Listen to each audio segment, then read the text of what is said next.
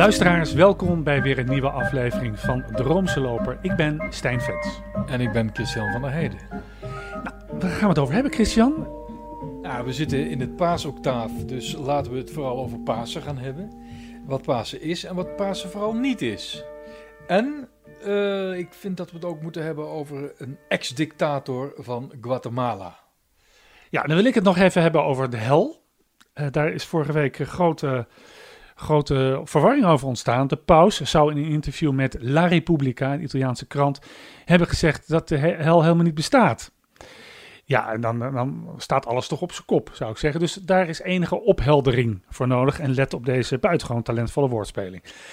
Christian, om te beginnen, hoe was jouw uh, Pasen? Ja, uh, je wilt zeggen, hoe was de, de Goede Week en het Paastriduum en alles wat erbij hoort? Uh, ja, goed. Ik ben uh, verschillende vieringen geweest. De een wat beter dan de andere. Uh, ik ben in één kerk geweest, ik zal geen naam noemen, en daar zat een orkest bij en daar werd Mozart gespeeld, een hoogmis van Mozart. Ik, ik hou daar niet van. Want het is toch een, een ja, het is niet geschikt voor de liturgie. En uh, kijk, iedereen is natuurlijk welkom in de kerk, maar als dan die uh, orkest erbij zit, dan komen ook altijd van die culturele types af die zich totaal niet weten te gedragen uh, in de katholieke hoogmis. die, moeten, die moeten gewoon opzouten. Ja, nou niemand hoeft op, maar ze moeten zich wel gedragen. Ja, maar dus als ze zich niet gedragen, als ze zich niet gedragen, moeten ze opzouten. Ja, dus vroeger liep er dan een Suisse rond. En die prikte je dan in de rug. Uh, maar dat, uh, dat, dat is niet meer zo. Of schoon, er is toch een aantal kerken in Nederland die hebben een Suisse. Wist je dat? Oh. En wat is precies een Suisse? Ja, een Suisse is een, is een, uh, is een, een, een Zwitser eigenlijk. En dat betekent een, een, een ordebewaker tijdens de mis. Dus die ervoor zorgt dat er geen raddraaiers het heilig sacrament, het heilig misoffer gaan, uh, ja, gaan saboteren. Nou, leuk dat je het vraagt. Mijn Pasen was ook wel uh, liturgisch uh, ingekleurd, mag ik zeggen. Ik ben keurig naar de paaswaken geweest in een kerk in Utrecht. Al mooi met dat licht dat dan binnengebracht wordt. En het licht van Christus wordt dan licht van Christus. En dan, uh, ik schrok wel even toen het licht uitging eerst. Dan was ik even van wat gebeurt hier? Uh, ja. Stroomstoring. Maar dat was... De dood. Ja. En voor de rest ben ik op paaszondag naar een beleidenis uh, geweest. dus ik was in een, ja, het was eigenlijk, was het een kerk? Het was in een soort wijkcentrum. Daar kerkt bij mij de protestantse kerk Nederland. En een goede vriend van mijn zoon deed daar beleidenis. En dat vond ik een ontroerende gebeurtenis. Oh. Mijn indruk is toch dat veel protestanten het geloof serieuzer overwegen dan hun katholieke uh, uh, vrienden en kennissen. En, maar ja, ik zou ze wel, dat dacht ik wel, het duurde één uur en drie kwartier, dat was, dat was prima. Er werd mooi gezongen, er werd goed meegezongen. Hè. In, de, in de katholieke kerk denkt men vaak, nou ja, er staat een koor, die doen het wel. Maar en er was een beamer, dus je kon goed de tekst lezen. Alleen, ik, ik zoek dan toch als katholiek naar een zekere structuur, naar een hoogtepunt. En... Uh, nou, dat was er niet. Dus ik zou de protestanten wat dat betreft wat meer structuur toewensen. Maar gelukkig waren er wel veel mededelingen. Vind ik zelf altijd het hoogtepunt. Ja, en ik wens de, de katholieken wat dat betreft meer samenzang toe. Uh, want het is, het, is, het is treurig gesteld met de samenzang. Ja. Ja, het moet inderdaad van een koor afhangen. En als het koor dan niet goed is, ja, dan, dan zit je daar maar mooi te kijken. Ik heb trouwens een keer, je had het over paasvakken, paasvakken meegemaakt. En ze hadden aan alles gedacht. En ik zat op de achterste bank natuurlijk bij de zondaars en de tollenaars. En op een gegeven moment wordt er op mijn schouder getikt. En ik kijk verschrikt om, het was natuurlijk pikken donker. En toen vroeg de hoofdacoliet, heeft u misschien een vuurtje? Dus ze hadden alles gedacht behalve aan het vuur. Ik rookte in die tijd nog, dus toen heb ik ze even met mijn big aansteker geholpen. Dus het is, een, het is echt een true story, Stan.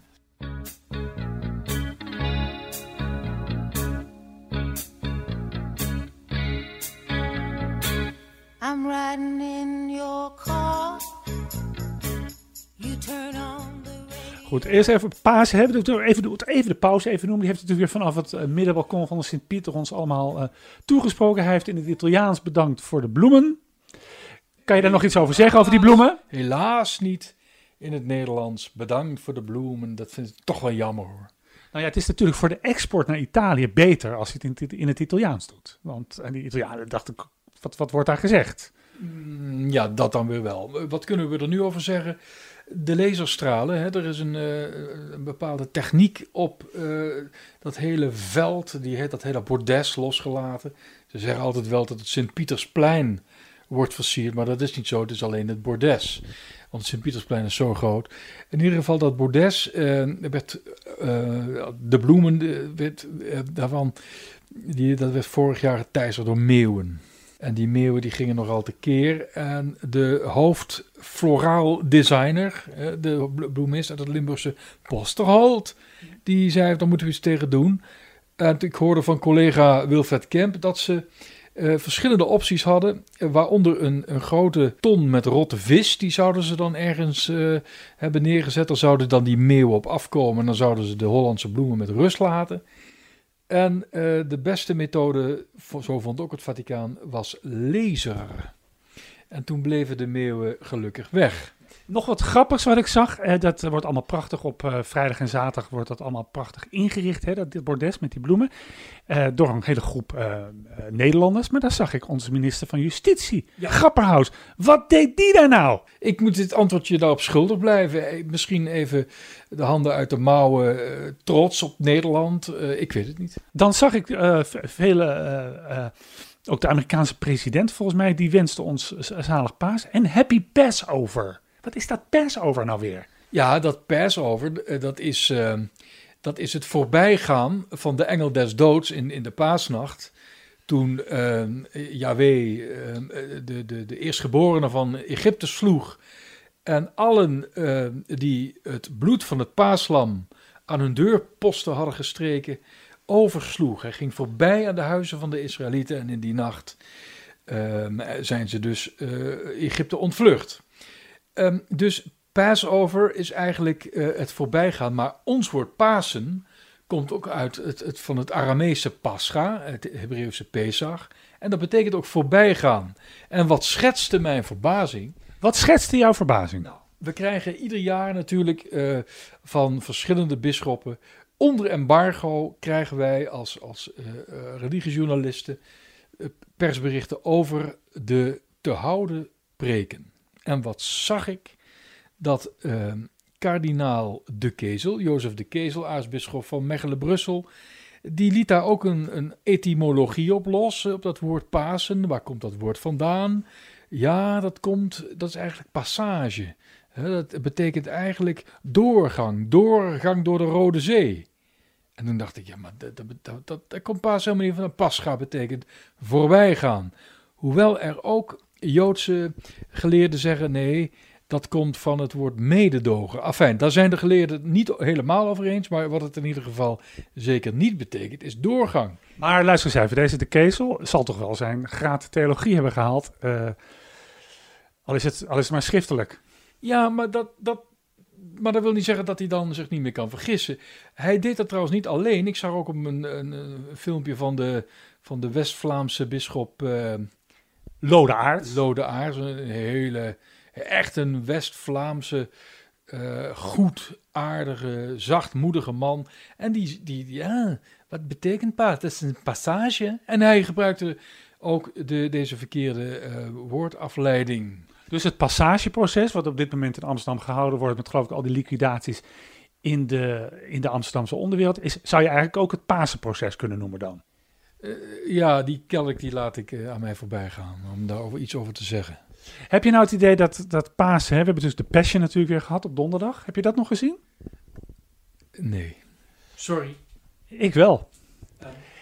Ja, ik vond het toch wel mooi in uh, Amsterdam Zuidoost. Ik vond het tv-matig weer een spektakel. Dat wordt echt heel mooi gedaan. De liedjes vond ik een beetje op elkaar lijken. Sterker nog, ik heb nog even gecontroleerd. Ik dacht dat steeds hetzelfde liedje werd gezongen, maar dan door een ander. En het eind was fantastisch. Hè? Er stond Jezus, uh, Tommy Christian op de Amsterdam Arena. En uh, sprak ons eigenlijk toe vanuit, ja, vanuit de verrijzenis, of vanuit, hoe moet ik dat zeggen? Als, als verrezen Christus. Tenminste, zo heb ik het uh, begrepen. Dat vond ik erg mooi. Nou, toch weer 3,1 miljoen mensen. Ja, nou, ik, ik vind dus dat er in, tijdens een passiespel, het is een passiespel zoals we die altijd al hebben gekend, ook in de middeleeuwen, zou eigenlijk de verrezen Jezus uh, niet moeten worden gespeeld. Oh. Ja, Dus dat hoort er helemaal niet bij. Ja, er zijn veertien, er zijn veertien uh, kruiswegstaties hè, in een kerk. En dus er zijn ook kunstenaars die er dan 15 hebben gemaakt, waarin Jezus uit het graf opstaat. Vind ik, vind ik geen uh, goede zaak, omdat de verrijzenis, ja, dat, dat, dat, dat, is, dat, ja, dat is geen statie, dat is een totaal nieuw begin. En het wordt in de, de Bijbel ook niet omschreven, het wordt alleen maar aangekondigd.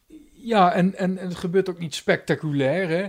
Jezus verscheen niet in één keer op het dak eh, van de tempel. Of uh, zoals uh, Tommy Christian op het dak van, van, van, van, van een arena. Ik heb Danny de Munk een keer gezien in Rotterdam. Verscheen hij ook, geloof ik, op de Erasmusbrug of zo. Het kan niet spectaculair genoeg zijn. Maar ja, Jezus was wat dat betreft helemaal niet spectaculair. Hij ging eten met zijn leerlingen. En dat deed hij ook met de Emmausgangers. Maar dat, um, dus, dus, dus het was een totaal nieuw begin, maar niet spectaculair.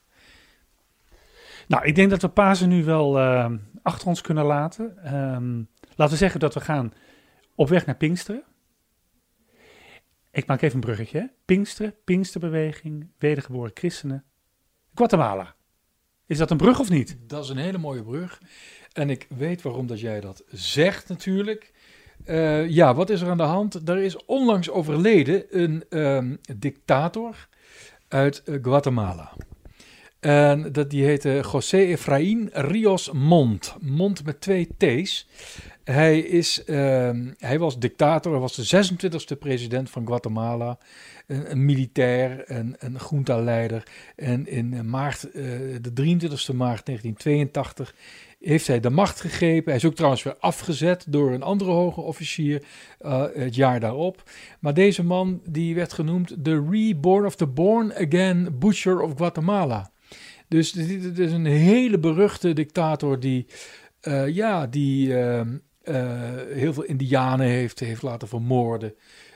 verschrikkelijk. En hij is evangelicaal geworden, ook natuurlijk om, om dichter bij zijn Amerikaanse vriendjes te zitten. Hè. En nou, die indianen, die al eeuwenlang stelselmatig onderdrukt, de, de priesters van de katholieke kerk en ook uh, bisschoppen die de bevrijdingstheologie omarmden, die, die waren geheel en al solidair met die indianen, met de onderdrukte klasse. Nou, laat nou een broer van deze dictator, ja... ik weet over wie, wie jij het hebt. Je hebt het over Mario Mont, hè? de jongere broer van deze uh, oud-president. Ja, die was bisschop, die is hulpbisschop van Guatemala geweest. En uh, die stond dus eigenlijk gedurende een lange tijd van zijn leven tegenover zijn broer. Dat was iemand die de bevrijdingstheologie aanhing, die het ja. opnam voor, die, hè, voor die, die inheemse volken. En wat ik nou zo ja, grappig, moet je dat zeggen, ja. vind om te lezen, is dat ze, uh, die broers stonden, uh, stonden echt tegenover elkaar. Maar dat ze elkaar op verjaardagen en andere familiefeesten bleven ontmoeten. Want er werd, en, en werd er niet over politiek gesproken. Wat is dat? Wat, wat, dat je dat kunt? Ja, deze broer was lid van de Lazaristen, de congregatie van de Missiën, CM. We hebben in Nederland ook een Lazarist gekend die bisschop was. En hoe weet u natuurlijk alweer, Stijn? Is dit een quiz? Dit is een quiz. Henny Bomers. En van welk bisdom? Uh, Haarlem. Nu bisdom Haarlem-Amsterdam. Stop de tijd. Heel goed, heel goed, Stijn. Ja, uh, onvoorstelbaar. Deze uh, bisschop stond echt aan de kant van de verdrukte. En zijn broer die Efraïn, die eigenlijk nooit gestraft is voor al zijn misdaden. Ja, dat, ja, dat is onvoorstelbaar. Die is gelukkig en oud geworden. Ja, gelukkig weet ik dan niet, kunnen we niet checken. Maar de vraag is natuurlijk, dit soort schoften, die keurig in hun sterfbed overlijden. Wat gebeurt er met hen na de dood? Dat is het mysterie van het leven. Ja, nou, en die kwestie hè, over de hel uh, is, is uh, afgelopen week weer helemaal uh, opgelaaid. Waarom? Ja, dus de, de paus die praat af en toe met de oud-hoofdredacteur, um, en volgens mij ook oprichter van de Italiaanse krant La Repubblica, Eugenio Scalvari. En dat, dat heeft hij al een paar keer gedaan. En het probleem met die interviews is dat deze Scalvari, die neemt niks op tijdens die interviews. Die maakt ook geen aantekeningen. Die praat met de paus ja, ik denk bij het genot van een glaasje wijn, weet ik veel, gaat naar huis en gaat denken: Goh, wat heeft die pauze eigenlijk allemaal gezegd? En gaat het dan uittikken. En er komt altijd wel iets, iets raars uit. Dus een paar jaar geleden zou de paus gezegd hebben dat de zonde niet bestaat. Uh, en nu hebben we de te maken met de afschaffing van de hel. Wat gebeurt er dan? Is het mechanisme dat het Vaticaan altijd gedwongen is om uh, op de dag zelf, op de dag na het interview, een bericht te doen uitgaan dat het, de tekst in La Repubblica niet een officiële transcriptie is van het interview. Dus dat de, quote, de, de, de uitspraken van de paus niet kunnen worden geautoriseerd. Nee, precies. Laten we even naar de quote kijken. Uh, de paus zou volgens die Scalfari hebben gezegd, dat gaat dan over de, de slechte zielen, zij worden niet gestraft. Zij die boete doen, die krijgen vergiffenis van God. En die zullen plaatsnemen in de ranken van, van degene die hem aanschouwen. Maar degene die geen boete doen, die kunnen daarom ook niet worden vergeven, die verdwijnen. Een hel bestaat niet. Er is wel sprake van de verdwijning van de zondige zielen. Al dus de paus volgens die Scalfari. Nou, ehm, ik kan me voorstellen dat je je dan te pletters uh, schrikt. Vooral als je een beetje op de hoogte bent van de katholieke leer en je werkt dan bij de Sala Stampa, de, de perszaal van de Heilige Stoel, want dit is een ketterij. En een paus die een ketterij verkondigt, ja, dat, dat, uh, ja dat, dat, dat kan helemaal niet. Nou ja, het aardige is dat je dan, het mechanisme dat je dan ziet, is dat het Vaticaan een bericht doet uitgaan, dus dat, dat er niks van klopt. Of dat die uitspraken niet aan de paus kunnen worden toegewezen. En op de website even een, een stukje schrijft met uitspraken van de huidige paus en ook van de vorige paus over de hel. dus daarmee wordt niet alleen de Republica gecorrigeerd, maar wordt, wordt, wordt Franciscus ook in de rij van zijn voorgangers geplaatst. Van, die, die, die, de huidige paus kletst niet thuis zijn nek. Dus wat schijnt de paus in, uh, dat heeft de paus in, 19, in 2016 gezegd, dat de hel niet een martelkamer is, maar meer de horror, hoe zeg je dat, de, de gruwel, de verschrikking van het voor altijd uh, gescheiden blijven van de God die zo van ons houdt. En zijn voorganger, uh, een van zijn voorgangers, Paus Johannes Paus II, heeft in 1999, 1999 ook zoiets gezegd. Dus um, interessant. Soms is het is Vaticaan wat je toch nog een beetje Kremlinologie, hè, dat is van het Kremlin. Uh, er wordt niet keihard een bericht uitgegaan van dit is de hel, maar voor de goede verstaander valt er op de Vaticaanse website wel het een en ander te vinden.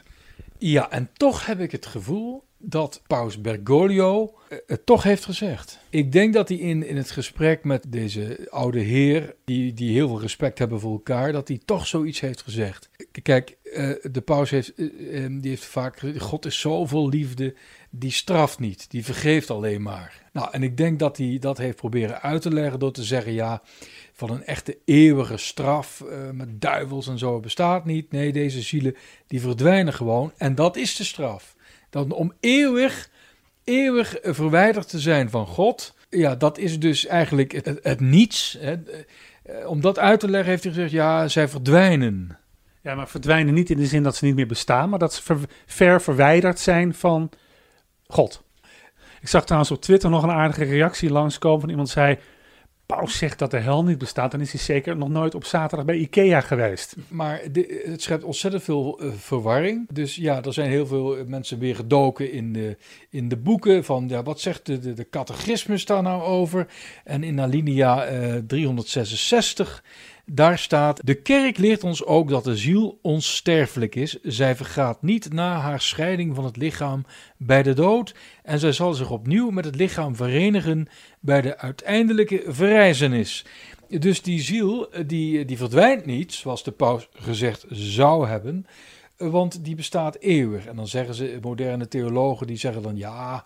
Maar de onsterfelijkheid van de ziel, dat is eigenlijk geen christelijke openbaring, want dat hebben ze overgenomen van de oude Grieken. Pythagoras die had het al over de onsterfelijkheid van de ziel. In het Platonisme komt dat al voor. En dit is eigenlijk als het ware overgenomen door, uh, door christenen als een soort inculturatie. Ja, wat ik ook nog wel zou willen opmerken is. Dit is nou de zoveelste keer dat dat gebeurt met een interview van deze meneer Scalvari met de paus dan zou je als paus kunnen denken: Goh, eigenlijk wel vervelend. Ik, ga, ik praat af en toe met een oude heer. En die wordt, dan worden mijn uitspraken niet helemaal goed weergegeven. En dat geeft een hoop gedoe. En mijn collega's hier bij het Vaticaan, die beginnen altijd weer te klagen. Misschien moet ik dat niet meer doen. Nee, en daar begrijp ik dus echt helemaal niets van. Dat ze, dat ze steeds die man weer over de vloer laten komen. En wat is dat nou? Hè? Kijk, de pauze is natuurlijk een jezuïte. Die vindt het misschien toch wel interessant om met zo'n, met zo'n uh, wij zouden zeggen, grachtelgordel, uh, uh, man. Maar, maar ja, hij woont niet in de grachtel, maar zo'n atheïst. Dus een hele chique krant dus dus de, het verlichte deel van Italië vertegenwoordigt hij. Het is wel chic om met die man gezien te worden. Ja, maar hij, hij, hij, wordt iedere keer, ja, ik mag niet zeggen genaaid, maar toch een beetje welstijn. Nou ja, en de paus ziet, dit ook in, in, in, naar de wereld toe gaan. Hè? Dat die hele, die hele theologie van de ontmoeting die hij heeft. Hij wil iedereen ontmoeten, hij, vindt dat, hij wil iedereen horen, iedereen hoort erbij. En ook deze... Uh, uh, zeer oude uh, hoofdredacteur hoort daar ook bij. En dat dat dan een hoop gedoe geeft, dat kan hem eigenlijk niet zoveel schelen. Nee, en wat ik dan vervolgens ook niet begrijp, is dat dan die Scalfari niet met een eigen persverklaring komt van ja, maar hij heeft het wel gezegd. Dus die Scalfari die vecht ook niet voor zijn eigen uh, teksten. Dus ja. Nee, en het is ook raar hè, dat ik, ik, heb zelf toen die paus geïnterviewd en dat, uh, dat kwam toen in de Osservatore Romano. Dat is helemaal geautoriseerd. Hè? En ook de tekst die in het Nederlands is gepubliceerd, moest ook door het Vaticaan. Die moest ik dus eerst in het Italiaans vertalen. Die werd in het Italiaans geautoriseerd. En deze man loopt binnen of belt op van, uh, zullen we weer eens een uh, glaasje wijn drinken? En dat wordt maar toegelaten. Het is een hele vreemde affaire. Een vreemde affaire die ons natuurlijk uh, wel even doet stilstaan bij waar het in het leven om gaat. Want uh, ik doe mij even denken aan wat, wat er in, uh, in, in het tafelgebed van Huub Oosterhuis wordt gezongen. Daar heeft men het over een begrip dat ook voorkomt in de Apocalyps. Het gaat over de tweede dood. En de tweede dood, wat is dat nou? Is dat nou die, die eeuwige verwijdering als bestaande ziel? Of is dat nou echt uh, het vernietigd worden van de menselijke kern? En ik denk toch dat dat laatste uh, steeds meer terrein aan het winnen is. Dus ik vermoed dat die pauze dus nogmaals wel heeft gezegd. Maar, maar goed, dan heeft hij het gezegd als Jezuïet Bergoglio en natuurlijk niet als paus. Want ik, ik neem aan dat je dan geen paus meer kunt blijven. Maar op zich, wat een paus zegt hè, in, in interviews, ook met stelligheid, hè, hoort, hoort dat nou wel of niet tot het leer? Nee, dat behoort totaal niet tot de leer. Uh, maar het is wel interessant om inzage te krijgen in zijn persoonlijkheid.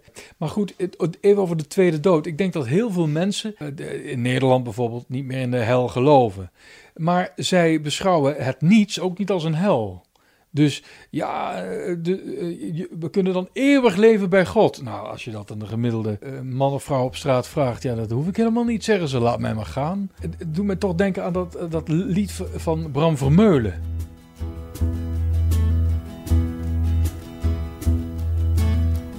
En als ik dood ga, huil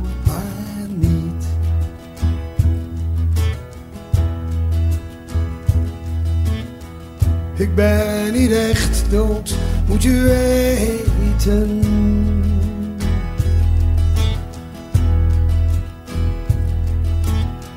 Het is maar een lichaam dat ik achterliet.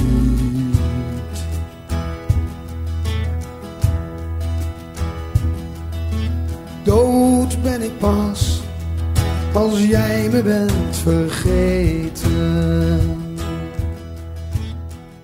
Ik denk dus veel mensen die tweede dood zien als, je bent pas dood, zeggen ze dan, als niemand meer over je spreekt. Ja, dat hebben we net gehoord. Ja, ja. dat is toch mooi? Ja, dat, dat, maar dat is, de, dat, is, dat is de nieuwe tweede dood geworden. Ja, dat is de nieuwe tweede dood. Ja. ja, ja. En de derde dood is... is er dus niet. Nee. nee. Maar je kunt ook niet zeggen, ja, maar je, sommige mensen zeggen, ja, je kunt maar één keer doodgaan. En dan de tweede dood, wat is dat dan? Dat is dan ja, dat. Uh, en, en als je dan zegt de derde dood, dan kun je niet zeggen, ja, je kunt, maar twee keer doodgaan. Want als je twee keer kunt doodgaan, moet je ook drie keer kunnen doodgaan. En vier keer en vijf keer, tot in het oneindige. Uh, ik denk, Stijn, dat, we, dat, het, dat de tijd is aangebroken. Om een einde te maken aan deze podcast. Podcast. Mensen, wij zijn uh, op weg naar Pinksteren. Uh, en uh, voordat de Heilige Geest op ons neerdaalt, dat hebben wij wel nodig. U merkt het aan ons gebrabbel op het laatst. Dan komen we nog bij u terug. Uh, het gaat u goed. Dood ben ik pas als jij me bent vergeten.